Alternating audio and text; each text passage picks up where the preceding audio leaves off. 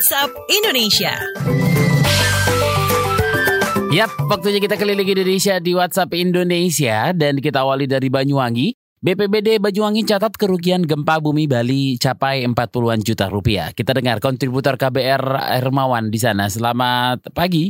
Selamat pagi, Badan Penanggulangan Bencana Daerah BBBD Kabupaten Banyuwangi, Jawa Timur mencatat kerugian akibat dampak gempa bumi bermagnitudo 6,0 di Nusa Dua Bali selasa kemarin mencapai 40-an juta rupiah. Kepala Bidang Kedaruratan BBBD Banyuwangi Eka Mohara mengatakan kerugian tersebut yaitu rusaknya puluhan rumah dan fasilitas umum seperti masjid, sekolah, kantor balai penyuluhan KB, dan bangunan kantor Kecamatan Siliragung Banyuwangi. Kata Eka, selain puluhan rumah dan fasilitas umum, bencana alam itu juga merenggut korban jiwa dan korban luka. Berdasarkan laporan yang masuk, seorang warga desa Bulu Agung, Banyuwangi yang diketahui bernama Asmono meninggal dunia, sedangkan untuk korban luka diketahui bernama Painem, warga desa Wonosobo, dan seorang siswa SD Kandangan yang diketahui bernama Petrus. Demikian dari Banyuwangi, Hermawan melaporkan untuk KBR. Terima kasih Hermawan. Selanjutnya menuju Semarang, bencana kekeringan BPBD Jawa Tengah sudah distribusikan lebih dari 800 tangki air bersih.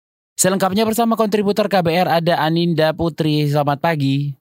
Selamat pagi, kemarau panjang melanda Jawa Tengah sejak dua bulan terakhir mengakibatkan kekeringan dan kekurangan pasokan air bersih. Kepala Badan Penanggulangan Bencana Daerah atau PBBD Jawa Tengah Sudaryanto menjelaskan, hingga kini sudah lebih dari 800 tangki air bersih didistribusikan ke 19 kabupaten kota, dari total 31 kabupaten kota yang terdampak kesulitan air bersih. Menurut Sudaryanto, masyarakat di sejumlah daerah wilayah Jawa Tengah kekurangan air bersih untuk kebutuhan sehari-hari seperti memasak, mandi, dan minum selama kemarau panjang. Kata dia, ada lima kabupaten kota yang terdampak kekeringan ekstrim, tiga di antara antaranya yaitu Boyolali, Gerobokan, dan Blora. Dari data yang dihimpun oleh KBR, ada 19 kabupaten kota yang menerima pasokan air bersih dengan memiliki 79 kecamatan, 184 desa, dan 227 dusun yang tersebar di seluruh wilayah Jawa Tengah. Demikian saya Nindya Putri melaporkan untuk KBR dari Semarang. Anin, terima kasih. Terakhir kita mampir ke Banjarnegara.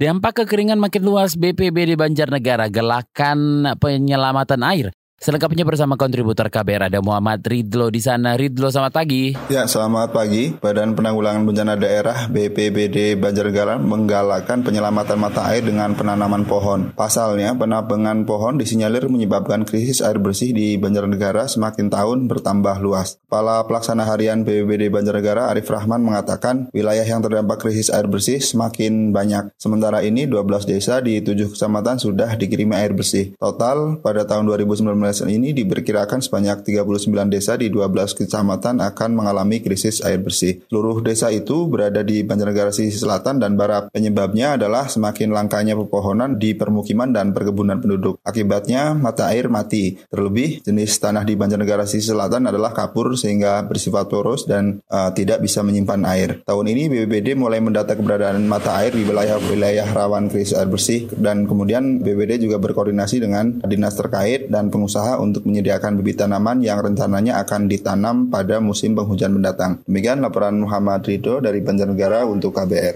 Baik, terima kasih Ridho.